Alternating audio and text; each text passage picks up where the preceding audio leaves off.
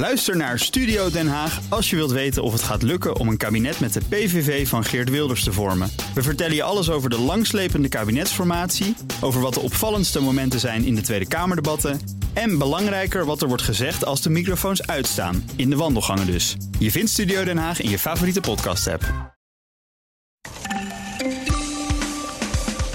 Staatsbank FMO, die er is voor leningen in ontwikkelingslanden, blijkt grote problemen te hebben met witwascontroles. De bank moest afgelopen zomer zelfs zes weken dicht om de administratie op orde te krijgen. Er zijn steeds meer kliklijnen in ons land. Alleen al voor het melden van bijstandsfraude zijn er bijna 200. En nu de coronasteun voor bedrijven toch weer terugkomt, keert ook iets anders terug. In de plannen van de regering worden starters uitgesloten van TVL. En de Tweede Kamer lijkt het daar weer niet mee eens te zijn. Dit is Nieuwsroom, de dagelijkse podcast van het Financiële Dagblad en BNR Nieuwsradio. Met het nieuws verteld door de journalisten zelf. Ik ben Mark Beekhuis en het is vandaag maandag 6 december. We waren bezig met de Pandora Papers een Ja. paar maanden geleden. En toen kwamen we ook FMO veelvuldig tegen. Hmm. En dat is eigenlijk een beetje het startpunt geweest voor ons om te kijken van nou, wat is die bank eigenlijk allemaal aan het doen? En ehm, kunnen we daar misschien eh, wat dieper in gaan duiken nu? Eh, nu we dit van, van binnenuit allemaal zien. Eh, achter de schermen kunnen we toch een kijkje nemen daar van hoe ze dingen doen. En kunnen we daar niet een keer een verhaal over maken, misschien? Uiteindelijk is dat dus wel gebeurd, maar het ging een hele andere kant op dan we hadden gedacht aanvankelijk. Dit is een hele goede teaser, die laat ik in de opname zitten. Ja. Dan starten we de opname officieel met... Hallo, Johan Leupen van het Financieel Dagblad. Goedemorgen. Dat is interessant hoe die Pandora Papers zijn effect hebben, wat je net beschrijft. Dus dat je niet eens per se daarin het schandaal ziet zitten, maar dat het eh, inspiratie is om ergens eens even in te duiken. En dan kom je uit bij de FMO, Ja. de staatsbank die bedoeld is om ontwikkelingslanden geld te lenen, Ja. economie over de grens aan te jagen. Waar het wel mis blijkt te zitten. Wat, wat zagen jullie bij die Pandora Papers? Wat, wat stond daar waar je, waardoor je gingen zoeken? Nou ja, dat is dus een gelekte administratie van allerlei offshore dienstverleners. Mhm. Eh, op zich is het helemaal niet zo gek dat FMO daar tussen prijkt. En met allerlei projecten en deals. Want eh, zij doen bijna alleen maar zaken in exotische regimes. Met Ja. allerlei ook ja, toch wel bedrijven die ze moeten oprichten lokaal. Eh, of die moet via een bepaald eh vehikel moet het eh, geld lopen. Ja. En dat is zelden gevestigd allemaal in Nederland natuurlijk. Dus dat, dat, dat is op zich niet gek dat ze bij dat soort dienstverleners ook belanden. En hier en daar ook op een belastingparadijs. Dat vond ik natuurlijk wel interessant, omdat de maatschappelijke normen zijn een beetje aan het schuiven. En wat geaccepteerd was tien jaar geleden dat je dat deed op de Britse Maagdeneilanden bijvoorbeeld, wat is nu niet meer zo geaccepteerd. Dus daar wilde ik eerst in eerste instantie ook naar kijken. Van wat doet FMO nou precies allemaal in belastingparadijzen en wat, wat vinden wij nou daar eigenlijk van? Eh, dus dat was eigenlijk de eerste fase van het onderzoek. Maar daar bleek het verhaal niet te zitten. Daar zit wel een verhaal in, denk ik. Uh, Alleen, het gaat eigenlijk meer om, over de bredere situatie waar, waar FMO, de, een soort spagaat, waar de FMO zich in uh, bevindt. En de, die vond ik eigenlijk nog het interessantste, denk ik. Mm -hmm. uh, en, en dat bedoel ik, daar bedoel ik mee. FMO is een kleine bank, relatief. Uh, is echt niet te vergelijken met grootbanken in Rabo, ING, ABN. maar ze moeten wel voldoen aan dezelfde eisen of een, op een belangrijke uh, van een belangrijk deel om uh, anti-witwassen en uh, anti-terrorisme wetgeving na te leven. En ze ja. moeten gewoon ja, mee ook in hun tijd. die wetten worden steeds strenger. Er wordt, er wordt steeds meer, meer geëist van de financiële sector. En de FMO zit daar ook bij. Alleen, die zitten nou net in alle landen, hoogrisicolanden. Ja, waar het sowieso al veel moeilijker is om alles te documenteren, om, om de UBO's te achterhalen, om Um, er zijn ook geen toezichthouders vaak. Er is geen Kamer van Koophandel die functioneert. Dus ga er maar aan staan om te voldoen aan de regels die de gewone banken al, ook al zo moeilijk vinden. Dat is, dat is eigenlijk een spagaat ja. waar ze in zitten. Dat is hun opdracht om in die ongelooflijk ingewikkelde regimes te werken. En je weet al dat ING er ook al, um, die is echt ja, meer dan tien keer zo groot. Die heeft daar ook al. En dat is natuurlijk ook een hele andere bank, laten we wel wezen. Hè. Dus die hebben ook hele andere mm -hmm. dingen te doen. Maar toch, het is heel moeilijk voor zo'n klein bankje met ideële principes uh, om, uh, om in deze wereld zich staande te houden. En daar kwamen we dus ook gaandeweg achter dat ze dus al een tijdje met de Nederlandse toezichthouder, de Nederlandse bank, daar overal overhoop liggen, om het zo maar te zeggen. Al eigenlijk al jarenlang, eh, zonder dat we dat echt wisten. En dat, dat kwam ik eigenlijk gaandeweg een beetje tegen. Er was een conflict dus eigenlijk tussen de FMO, de bank, en de Nederlandse bank die daar toezicht op houdt. En dat liep afgelopen zomer uit echt op een confrontatie, denk ik, hè? Ja, toen liep het echt uit de hand. In de zin dat FMO echt de, de deur, uh, deuren moest sluiten voor nieuwe business. Uh, uh, eigenlijk gewoon de, de boel op slot gooide. Ja, ze, ze, draaien natuurlijk wel door. Er moesten natuurlijk iedere dag dingen gebeuren. Maar dat was wel ongekend uh, voor mij uh, in ieder geval. Dat, dat, dat, dat een bank zichzelf helemaal op slot gooit. Van jongens, we hebben de zaken niet op orde. En in dit geval dus duizend klantdossiers. Uh, eigenlijk alle klantdossiers niet op orde. En het is niet verantwoord meer om door te gaan draaien. Weer nieuwe dingen te gaan doen. Als we dit gewoon niet helemaal op, ja, onder controle hebben. De witwascontrole, de antiterrorismefinanciering, controle. Da daar klopte weinig tot niks van in de bank. Ja, dat was eigenlijk al in 2018 zo. Toen hebben ze een tik op de vingers gehad. Toen hebben ze 2020 nog een keer te horen gekregen dat het allemaal veel te langzaam uh, uit de startblokken was gegaan, hun herstelprogramma. En daarna is het dan een jaar verder bijna. En dan gooien ze de, de, de boel alsnog op slot. En ze hebben er niet bepaald mee te koop gelopen, hè? Nee, ze hebben het een beetje omvloerst iets over gezegd in een halfjaarresultaat. Maar dan was het eigenlijk zoiets van: we zijn aan het investeren in om de organisatie in lijn te brengen met best practices.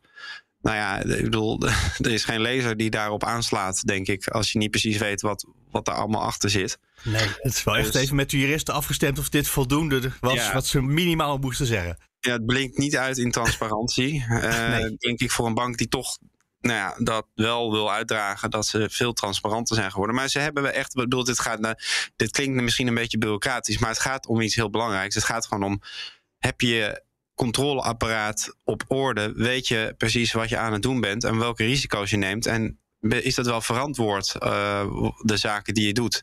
En dat is echt een hele belangrijke, serieuze zaak die ook.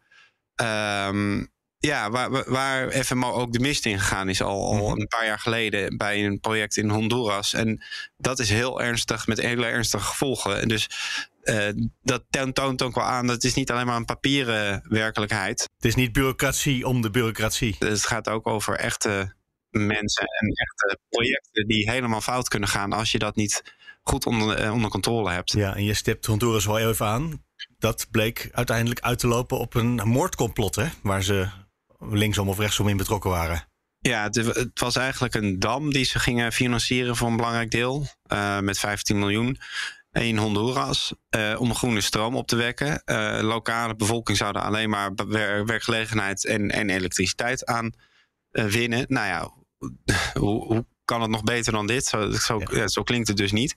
Maar de lokale verzet tegen die uh, bouw en ook de manier waarop die, het land uh, goed werd uh, verkregen. daar was enorm veel over te doen, heel veel weerstand, lokaal protesten, intimidaties, geweld. En uiteindelijk zelfs moorden gepleegd door, in ieder geval één moord bewezen door een topman van een bedrijf dat dus dat geld eigenlijk geleend heeft van de FMO. Dus dat ja. is wel een hele directe link naar FMO. Uh, ja, ik bedoel, FMO wist hier uiteraard helemaal niks van. Uh, maar je, je, moet wel weten wie je klanten zijn. Uh, en het, het, heeft er alles van weg dat FMO ook heel lang dat echt niet precies wist. Geld overmaakte naar bedrijven die ze niet controleerden. En ook lokaal eindeloos gewaarschuwd werd over, ja, weet je wel wat er allemaal voor nare praktijken hier aan de hand zijn met jullie klant. En, en dat, ja, allemaal een beetje wegwuifde, die kritiek. Dus dat hebben ze jarenlang gedaan en dat heeft ze wel een trauma bezorgd. Um, inmiddels dat ze dat zo lang uh, allemaal gemist hebben. Aan de ene kant is er de verzachtende omstandigheid dat de opdracht van deze bank in dat soort moeilijke landen ligt. Aan de andere kant is er de extra gevoeligheid. Dat is een bank van ons, hè?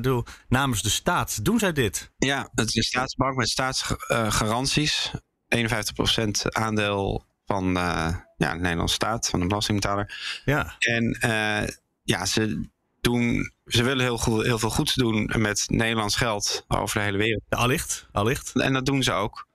En um, het, het, is ook een heel uh, moeilijke klus. Uh, het is ook heel moeilijk werk wat ze doen. ze zitten in allerlei corrupte landen waar geen wet en regelgeving is, nauwelijks. waar toezichthouders niet bestaan, waar er geen handhaving is, vaak waar er geen Kamer van Koophandel is, waar mensen niet durven te vertellen dat zij de eigenaar zijn van een bedrijf en waar ze wonen, omdat ze dan gekidnapt kunnen worden of vermoord. Um, dus ga er maar aan staan om dat allemaal in je klantdossiers op orde te hebben. En ook te weten van wat zijn we nou eigenlijk aan het doen hier? Wie zijn we nou eigenlijk aan het helpen? het is ook heel moeilijk om in dat soort landen te stappen met veel geld.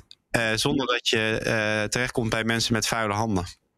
Je zou eens denken, misschien moeten we het dan maar niet doen. Want misschien is het ook gewoon te moeilijk. Ja, dat, dat zou een hele heftige conclusie zijn. Maar om aan te geven hoe, hoe, hoog die discussie inmiddels opspeelt, uh, is dat zij hebben zelf deze vraag ook al gesteld, uh, hardop. Uh, een paar maanden geleden, toen wij ook met ze hierover in gesprek waren. Ja, dat ligt eigenlijk voor ons. kunnen we wel actief zijn in bepaalde landen waar dit zo slecht op orde is allemaal? Dus het is inderdaad echt een existentiële vraag aan het worden voor FMO. Van in hoeverre kunnen wij onze missie wel aan? En nu uh, garanderen dat we dat uh, ook op een goede manier doen. Ze hadden toch een hele goede naam. Ja, en ik, ik, wil ook niet zeggen dat dat allemaal teniet wordt gedaan door één, één groot, uh, grote nachtmerrieproject. Nee, allicht. Maar zeker, ze hadden een hele goede reputatie. Ze zijn een soort van rolmodel, ook internationaal, voor hoe je winst maakt. En ook met groene financiering, duurzame investeringen. En de grootste investeerder, duurzaam investeerder in Afrika zijn ze, geloof ik. Um, en ze maken gewoon al heel lang winst. Uh, nou, tot vorig jaar dus. Maar het is wel een, rolmodel. Alleen de vraag is: is het wel voldoende professioneel? En kunnen ze wel mee in de nieuwe eisen die worden gesteld aan alle banken uh, op dit, dit soort gebieden? Johan Leupen, er komt vast nog meer aan. Klopt. Er komt uh, woensdag een nieuwe grote productie hierover. in het verlengde hiervan. Maar ja, dit is een dossier wat gewoon mateloos interessant is. En denk ik ook heel veel zegt over de tijd waarin we nu leven. En hoe dit soort organisaties daarmee omgaan. Dus dat blijven we ook veel langer dan dat uh, nog volgen. Ja, na woensdag komt er nog weer meer. Okay. dan, dan woensdag, ja. Dankjewel. Graag gedaan. Hallo, Diederik de Groot van BNR. Hallo Mark. Kliklijnen, dat gaat viraal. Uh, zeg ik het daarmee goed? Uh, nou, als je bedoelt dat er heel veel kliklijnen zijn in Nederland. ja, ja, dat bedoel ik. Dat er steeds meer zijn. Dat de ene gemeente na de andere gemeente denkt: oh ja, zij hebben het, willen wij ook. Ja, en uh, wij hebben ons dan uh, in een onderzoekje wat we hebben gedaan uh, gefocust op meldpunten, aka kliklijnen, voor bijstandsfraude. Maar er zijn er overigens nog veel meer hoor. Want je kan het echt zo gek niet verzinnen of we hebben er in Nederland wel een meldpunt voor waar je ook anderen aan kan geven. Maar om het even in beeld te brengen, hebben wij nu gekeken naar bijstandsfraude meldpunten. Uh-huh. En daar hebben 196 gemeenten hebben er nu eentje. En dat is alweer nou, ongeveer 50 meer dan zo'n twee jaar geleden. Dus blijkbaar is het populair, ja. Ik weet niet hoeveel gemeenten we op het ogenblik hebben. Iets van 300, dacht ik. Dus dan zouden het er twee op de drie zijn. 352. Nou, bijna, bijna twee op de drie gemeenten heeft inmiddels dus een bijstandsfraude kliklijn. Is dat zo'n groot probleem, fraude met bijstand? Nou ja, het is maar net wat je een groot probleem vindt. Um, ik heb toevallig uh, gisteren nog even opgezocht hoeveel uh, fraude er nou zeg maar wordt ontdekt. En dan wordt gesteld dat 7% van uh, het bijstandsbestand gemiddeld van een gemeente. daarvan wordt gezegd dan die komende inlichtingenplicht niet goed na. Of daar zitten verkeerde dingen in. dat houdt dus in dat mensen dingen niet goed doorgeven. Of dat wat ze doorgeven, dat dat dan nou, niet klopt met een uitkering ontvangen. Uh, nou ja, kan je ook weer niet zeggen dat dat echt fraude is. Want uh, ik zou zeggen dat fraude, uh, maar dat is misschien meer een moreel oordeel, dat het iets is dat je doelbewust uh, de boel tilt en onterecht geld ontvangt. Maar het zijn natuurlijk ook heel vaak ja, mensen die gewoon een foutje maken of iets vergeten of wat dan ook. maar in ieder geval kan je dus zeggen dat 7% van de bijstandsgerechtigden die doet iets verkeerd of die pleegt fraude. Misschien moet je het zo zeggen. ja. En die rijden dan met een Maserati terwijl ze wel bijstand krijgen. Ja, dat is dan een beetje het clichébeeld, hè? Uh, ja, probeer maar even beelden te maken. Uh, overigens is dat ook een beeld wat door die meldpunten wel in stand wordt gehouden. Want bij meerdere van de meldpunten staan, nou, ik zal het maar even tips noemen, om bijstandsfraude te herkennen. Mm Dat is een van de voorbeelden bijna altijd van, heeft uw buurman, zeg ik maar even gewoon, ik maak even buurman van een dure auto terwijl hij een bijstandsuitkering ontvangt of veel te dure spullen. Dat is dan mogelijk een signaal van bijstandsfraude. Ja. Ik denk niet dat het uiteindelijk in Nederland nou heel vaak voorkomt dat iemand in een hele, hele dure auto rijdt en tegelijk een bijstandsuitkering ontvangt. Want als je een hele dure auto kan betalen, is een bijstandsuitkering echt een druppel op een gloeiende plaat. Maar goed, ja, het zal heus wel een keer voorkomen, ja. Ja, en een heleboel gedoe, denk ik, om zo'n uitkering aan te vragen en te houden. Ja. Ik denk dat het vaker zal gaan om waar een half jaar of een jaar geleden echt veel ophef over was. Hè? Dat de moeder van iemand elke week een boodschappentas vol met uh, eten komt brengen. En dat mag niet, want dat had je moeten aangeven. En dan hadden we het graag willen in, inhouden op uw uitkering. Ja, Nee, precies. Daar was toen heel veel ophef over. En dat uh, houdt dan in dat iemand moet ook giften inderdaad aangeven bij de gemeente. Uh, tot hele kleine giften aan toe. Dus ook een tas boodschappen blijkbaar. En uh, dat kan dan inderdaad reden zijn om te zeggen... ja, dat, dat die giften die trekken we dan af van de uitkering. Of in ieder geval ja, betekent dat dat je het niet meer zo hard nodig hebt als je zei. iets in die zin. In ieder geval moet je het allemaal netjes aangeven. En als je het dan niet doet, dus die inlichtingenplicht in die zin verzaakt volgens een gemeente, dan ja. heb je dus in gebreken. Dan krijg je een probleem mee krijgen. Is dit iets waar de overheid eigenlijk op aanstuurt? Dat zoveel mogelijk gemeenten dit doen? Of zijn die gemeenten daar zelf mee begonnen? Ja, dat doen echt die gemeenten zelf. Want ik heb het uh, ministerie van Sociale Zaken en Werkgelegenheid gesproken. Die nou, aan het einde van de keten zeg maar, verantwoordelijk zijn voor het sociale stelsel. Dus ook bijstand. En die zeggen, wij, wij snappen wel dat deze meldpunten door gemeenten uh, worden opgericht. Want er leven frustraties bij bepaalde burgers die zien dat er misbruik wordt gemaakt van uitkeringen. En dan moeten ze dat aan kunnen geven. Maar, zeggen ze, uiteindelijk is het opsporen van fraude daaraan dragen tips van burgers, maar voor een heel klein deel bij. Het meeste komt gewoon van de grotere instanties zoals het UWV. Uh, die kunnen dat ook opsporen. Dus daarom zeggen ze, wij moedigen niet gemeenten actief aan om zo'n meldpunt uh, in te stellen. Waar burgers dus andere burgers aan kunnen geven maar het mag wel.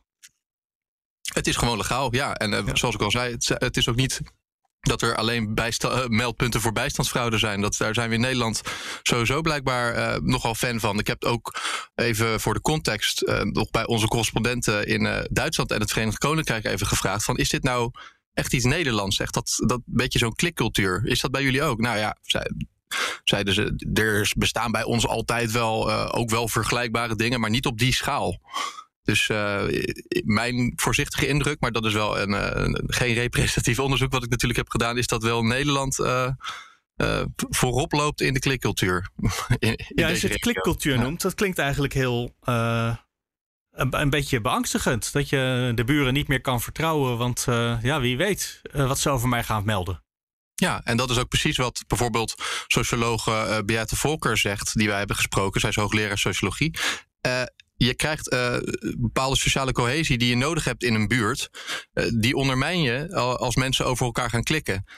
als er een onderzoek naar iemand wordt ingesteld, of, hij, of diegene die wordt zelfs gepakt, zeg maar, met fraude. dat zijn altijd dingen die die cohesie en het vertrouwen onderling ondermijnen. Want je weet ook soms helemaal niet wie die tip heeft gegeven. Hè. Je kan het vaak anoniem doen. Sterker nog, ik heb geen meldpunt gezien waar het niet anoniem kon. Dus ga je toch om je heen kijken van ja, uh, iemand die zit mij blijkbaar op mijn nek en iemand die houdt mij in de gaten. En ik vond ook wel een tekenende reactie van iemand die uh, op Twitter reageerde op het bericht. Uh, die zei, ik neem aan dat ze er zelf ervaring misschien ook mee had. Vertel nooit iemand dat je een bijstandsuitkering hebt. Want je krijgt altijd vragen als je iets doet, als je uit eten gaat, als je iets koopt, van kan dat dan wel? Hè? Je hebt toch een oh, bijstandsuitkering? Ja. Uh, blijkbaar is dat dan toch iets in mensen. En uh, we moeten niet generaliseren, niet iedereen is zo, maar uh, dat er een soort afgunst in zit of een soort controledrang van ja, maar jij krijgt, krijgt geld. Zo wordt het gezien. Dus ga je er wel netjes mee om? Heb jij, dat, heb jij daar wel eigenlijk recht op? Ja. Dus dan maak je, ja, nee, je zei het al, je ondermijnt de cohesie in de samenleving. Dat kan toch niet de bedoeling zijn van overheden? Weten ze kennelijk niet dat ze dat doen? Nee, aan de andere kant zouden het ook weer wel kunnen weten. Want uh, dit is lang niet de eerste keer dat er onderzoek is gedaan naar meldpunten. Uh, twee jaar geleden was het onderzoek er ook. En toen uh, waren er nog 50 meldpunten minder. En toen waren er sociologen en andere experts die eigenlijk precies hetzelfde al zeiden. Uh, maar vervolgens is er blijkbaar niet, uh, of ze hebben het niet gelezen, of er is niks nou. mee gedaan. Uh, en hebben ze er nog 50 meldpunten bij gemaakt. Overigens, wat ik er nog bij aan toe wil voegen, is een signaal wat zeker serieus genomen zou moeten worden op dit gebied, is dat de autoriteit persoonsgegevens, die ook onderzocht hoe een, een hoop binnen toeslagenaffaire tot stand is gekomen en is afgehandeld, Mhm. ook eh, expliciet zei dat eh, tips van andere mensen. Eh, dat dat tegen de borst stuiten, dat, omdat die uiteindelijk ook een onderdeel uitmaakten van eh, de signalering van mensen. Dus op basis waarvan ook mensen in de gaten werden gehouden door de Belastingdienst en op lijsten, zwarte lijsten terecht bijvoorbeeld kwamen, waar ze echt niet op wilden staan en ook soms niet hoorden te staan eh, in, in de toeslagenaffaire. Ja, meestal niet. mensen niet. Eh, dus, 95% eh, geloof ik hoort het er niet op. nee. Precies, dus ook, dus ook dat soort uitwassen kan je er dus door krijgen. En of nou een melding onterecht is of, of terecht, als een gemeente een paar meldingen over iemand krijgt, en ik probeer dan even in de psyche te, te duiken van iemand die die meldingen ontvangt, zou je toch kunnen denken van ja, waar rook is, is eh, misschien wel vuur. Ik moet hier toch maar eens even naar kijken en we gaan die meneer of mevrouw eh, toch maar in de gaten houden. Zo zou het denk ik best kunnen werken.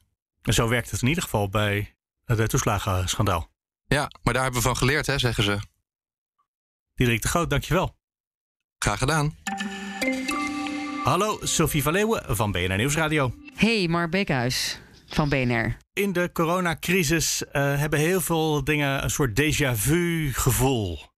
En vandaag had ik er ook weer zo eentje. Starters krijgen geen TVL, geen tegemoetkoming vaste lasten. Jo, Dat hadden we al eerder meegemaakt, toch? ja. Eh, ik had ook een déjà vu. En ik moest het even opzoeken. Ik dacht, hé, hey, dit, eh, het was in de tijd van Mona Keizer, weet je nog? En Bas van het Woud. En nou, een tijdje geleden, vorig jaar. En eindeloos eh, problemen met starters die niet in aanmerking kwamen voor eh, allerlei regelingen. Coronasteun, ja, heel tragisch. Die waren net te laat begonnen met hun bedrijf, vielen niet eh, volgens de regeltjes eh, in het tijdvak. eh, u heeft recht op steun. En nu ehm, zitten we weer met dezelfde problemen eigenlijk. Ja, nieuwe steunpakketten en ook weer gewoon de oude problemen vers geïntroduceerd. Ja, knap hè. En we hebben dus deze week, woensdag, is er een debat in de Tweede Kamer over het nieuwe corona-steunpakket. En we hadden natuurlijk alles afgesloten 1 oktober. Nu zijn we weer begonnen. Maar dat moet nog eh, afgetikt worden, dus in Den Haag, in het parlement. En ja, dan blijkt toch dat weer de starters buiten de boot vallen. En eh, nou, daar is de Tweede Kamer natuurlijk niet blij eh, over. Ook in de, in de coalitie wordt daar nu echt geklaagd. Ook D66, CDA. Ik denk ook wel VVD, Thierry Aartsen heeft zich ook altijd wel hard gemaakt voor starters. Nou, die zullen nu wel weer. Aan de deur kloppen bij het ministerie van eh, Economische Zaken. Van hé, hey, jullie zijn een groep vergeten. Nee, vergeten, dat kan natuurlijk, maar dat lijkt me niet waarschijnlijk. Help me even herinneren, want we hadden eerst die steunpakketten en de starters mochten niet meedoen. Maar na verloop van tijd konden de starters wel meedoen, toch? Dus ehm, wat is er veranderd dat ze nu dan toch weer niet mogen meedoen met die TVL? Ja, er was dus eh, geen regeling destijds, helemaal aan het begin van de coronacrisis. Als je dus ehm, een bedrijf was begonnen. Ik moet het er even bij pakken hoor. Dat is alweer zo, is al bijna twee jaar geleden, Mark. Ja, Eh, uiteindelijk is, de, is, er, is er een regeling gekomen die terugging tot 30 september 2019. Eh, dus eigenlijk iedereen die dus eh, in, het, eh, in de maanden voor, of het half jaar voor, voor de uitbraak van corona wa- was opgestart, die vielen eerst buiten de boot. Nou, toen werden zij natuurlijk heel gefrustreerd en boos. Dat belandde ook op het bordje van de, dus de Tweede Kamerleden. Ook bij de VVD-motie Thierry Aartsen. Die hebben toen de, de referentiemaand, zoals dat heet, die hebben ze eigenlijk dus vervroegd. ehm, naar het hele laatste stuk 2019. want dat was het, hè? Als je, als je die steun aanvraagt, dan wordt er vergeleken met wat je een jaar eerder had. Of met een half jaar eerder, dat weet ik niet. Ja. Dat wordt, is wel een vergelijkende maand moeten zijn en als starter heb je die niet. Ja, en dat is interessant, want het ministerie van Economische Zaken heb ik ook nog even gebeld vandaag. En, en die zeggen: ja, het probleem is voor ons dat we niet kunnen zien hoeveel geld ze hebben verdiend. Want dat zijn starters en misschien hadden ze nog heel weinig omzet. Of eh, nou ja, eigenlijk is het, eh, is het probleem. eh, en, dan zijn ze ook bang voor fraude. Dat, dat het eigenlijk gewoon niet duidelijk is als je net bent gestart. nou ja, wat, wat je, waar je dan eigenlijk recht op zou hebben. Of wat die lasten dan zijn of iets dergelijks. Dat wordt een beetje aangevoerd. Maar uiteindelijk is er natuurlijk wel eh, meer aan de hand dan, dan fraude en referentie. ehm, maanden. Het probleem is eigenlijk dat, eh, dat, dat ze geen, geen poppetjes hebben, geen mensen voor maatwerk, voor per bedrijf kijken. Eh, dus, dus, oh, je bent twee maanden eerder begonnen. Oh, en wat was toen? Heb je toen wel omzet gedraaid? En ehm, eh, wat, wat is dat dan? dan kun je, want je valt buiten de gewone regeling. Dan moeten we dat controleren. En dat, dat doen ze bij hè, RVO. Dus dat is de Rijksdienst voor Ondernemen Nederland. Ja, en die, die, zitten, eh, die komen om in het werk op dit moment. Die hebben ook ontzettend veel stapels aan bezwaarschriften van al die andere bedrijven die nog wachten op steun. En die hebben daar geen tijd voor om dan ook nog die starters één voor één, die buiten deze regeling vallen, dan te checken. Dat is eigenlijk een beetje in het kort uh, wat we nu zien en wat we toen ook zagen, eerder in de coronacrisis. En waar, waar het kabinet steeds tegenaan loopt, inmiddels demissionair kabinet. En dus komen ze maar weer met het voorstel waar ze ooit ook mee begonnen. Behalve dan dat je nu meteen erbij zegt... er zijn drie van de vier regeringspartijen... ach, en misschien de ChristenUnie uiteindelijk Vast ook wel, wel. zeggen... Ja, ik heb ze nog die niet gebeld. er eh, problemen mee hebben. En dus van de week is er een Kamerdebat. En wat gaat dan eh, de minister die daar nu over gaat, uh, Blok van Economische Zaken... Ja. Wat gaat hij dan doen? Inmiddels is het stemblok. Ja, en dan zal hij eigenlijk onder druk van de, ja, de, de voormalige coalitiepartijen en nog wel andere partijen in de Kamer moet, moeten zeggen: Nou, ik ga toch nog een keer naar die startersregeling kijken. Kan ik dan toch die referentiemaand nog een beetje aanpassen? Voor de duidelijkheid, hè, starters die nu luisteren, mijn Oeigoerse restaurant bijvoorbeeld hier om de hoek, uh, die ook net zijn geopend dit najaar, wat echt heel uh -huh. optimistisch is en heel sneu. Um, ja, er zit dus nu, um, je moet ingeschreven zijn bij de KVK, de Kamer van Koophandel voor 30 juni 2020 staat er in de regeling. Dat was de Summer of Love, weet je nog? Dus iedereen ja, ja. was optimistisch. er zijn best wel toch wat mensen, wat nieuwe starters bijgekomen. Nou, als je daar buiten valt, ja, heb je dan pech gehad? Hoe, hoe rechtvaardig is dat eigenlijk? Dat is, uh, dat, daar gaat de Kamer niet mee akkoord. We kennen natuurlijk Stef Blok als iemand die heel stoïcijns kan blijven volhouden. Dat het helaas uh, hartstikke goed klinkt wat u wil, maar niet kan.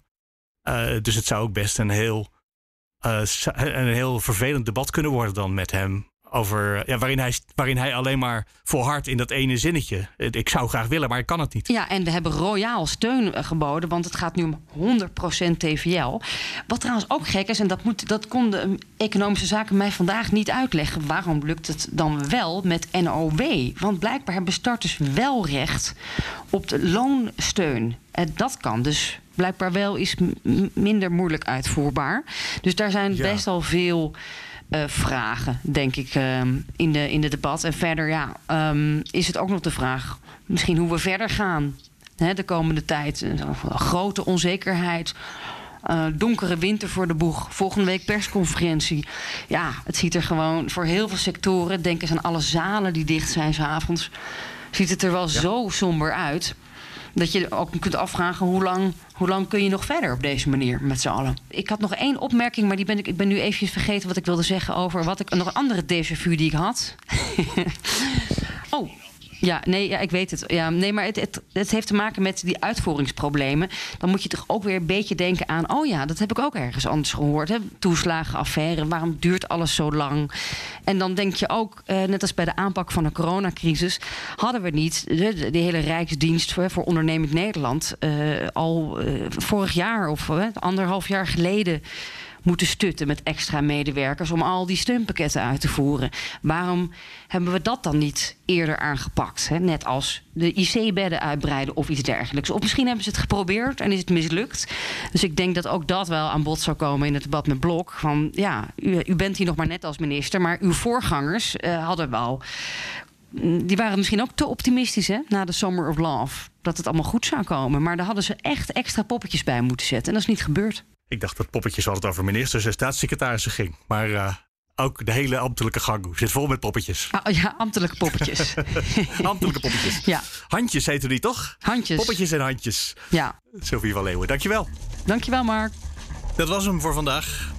Je kan altijd reageren. Mail daarvoor naar nieuwsroom.bnr.nl of nieuwsroom.fd.nl. Dat deed bijvoorbeeld Dominique.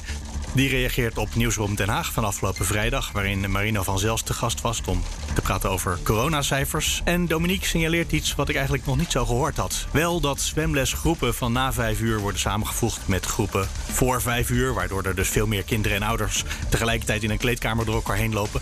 En dat voetbaltrainingen van s'avonds naar 's middags verschuiven. Maar niet iets anders, waardoor dat mogelijk is voor een deel. Namelijk doordat heel veel mensen zitten thuis te werken, maakt het ook niet zo uit hoe laat je dat precies doet. Dus de voetbal en de zwemles kunnen van 's avonds naar 's middags als je gewoon 's avonds thuis werkt. Ik vind het een interessante observatie. En dit maakt ook maar meteen duidelijk dat er geen simpele oplossingen zijn. Dankjewel voor je e-mail, Dominique. En wil je ook reageren? Nieuwsroom.fd.nl of nieuwsroom.bnr.nl. De show notes die staan op bnr.nl slash nieuwsroom. Tot morgen.